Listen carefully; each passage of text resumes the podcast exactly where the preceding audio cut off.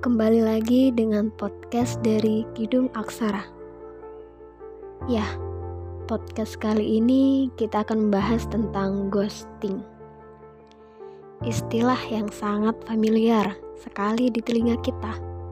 Nah, sebelum kita berkenalan lebih dalam lagi dengan apa dan siapa itu ghosting, alangkah lebih baiknya kita berkenalan terlebih dahulu dengan si ghosting. Ghosting kalau di Indonesia kan ghost itu hantu dan ting itu permen. Dan kalau digabung jadi permen hantu. Ya enggak sih? Gak enggak, bercanda kok.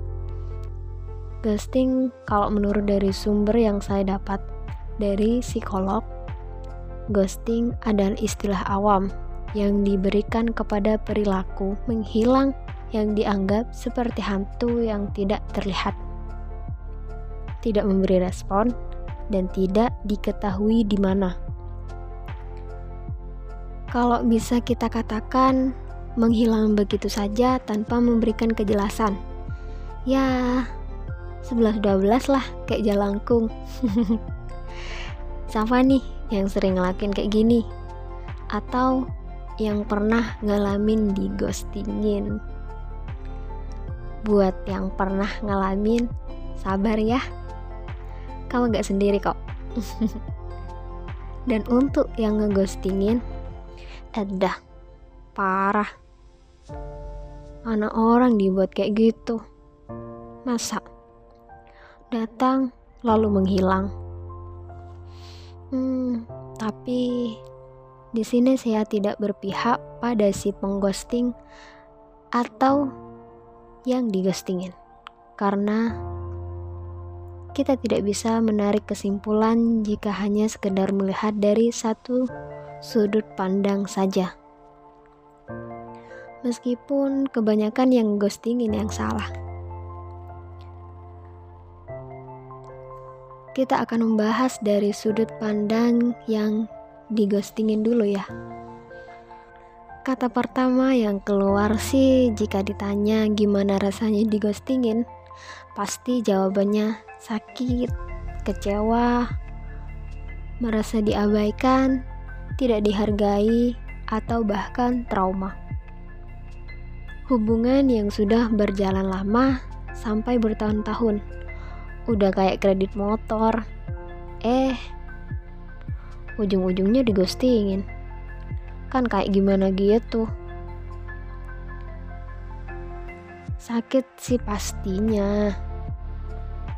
Dicari ke sana nggak ada.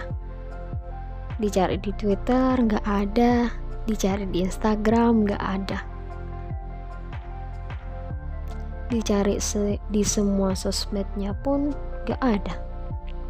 Sampai pada akhirnya pengen banget rasanya buat poster yang gede ada foto dia dan tulisannya dicari orang hilang. Lucu juga kali ya. Hmm, kalau mau dicoba nanti kabarin aku ya. Berhasil atau enggaknya. Tapi beda lagi kalau digostingin orang yang bukan siapa-siapa kita. Jadi ibaratnya tuh kayak kita berjalan ke suatu rumah. Dan bentar lagi nyampe. Eh udah disuruh pulang karena alamat palsu. Dan dia sudah hilang sebelum benar-benar kita genggam. Asli. Aku yakin sih rasanya sama-sama sakit sama kayak sebelumnya. Sudah terlanjur nyaman, eh, tahunya diminta untuk mengakhiri. Mengakhiri sesuatu yang jelas-jelas belum dimulai. Ini juga sebaiknya menjadi pembelajaran untuk kita, terutama kita-kita yang kaum baperan yang panas dikit ngeluh hujan dikit ngeluh capek dikit ngeluh nyaman dikit sayang untuk tidak mudah menerka-nerka. Wah, dia suka nih ke gue. Wah, kayaknya dia ada sesuatu yang beda nih. Wah, kayaknya ini, kayaknya itu. Karena terkadang sefrekuensi itu belum tentu sejalan loh ya. Bisa jadi dia hanya penasaran saja ke kita. Dia hanya singgah, tapi tak sungguh biarkan saja ia yang ingin pergi karena tidak nyaman dan tidak akan berjalan dengan semestinya jika menjalankan sesuatu hanya berjalan di satu belah pihak saja. Jangan dikejar, jangan diharapkan, jangan dinanti. Jika ia milikmu, semesta punya cara sendiri untuk mengembalikan. Jangan terlalu keras pada diri sendiri. Kasihan.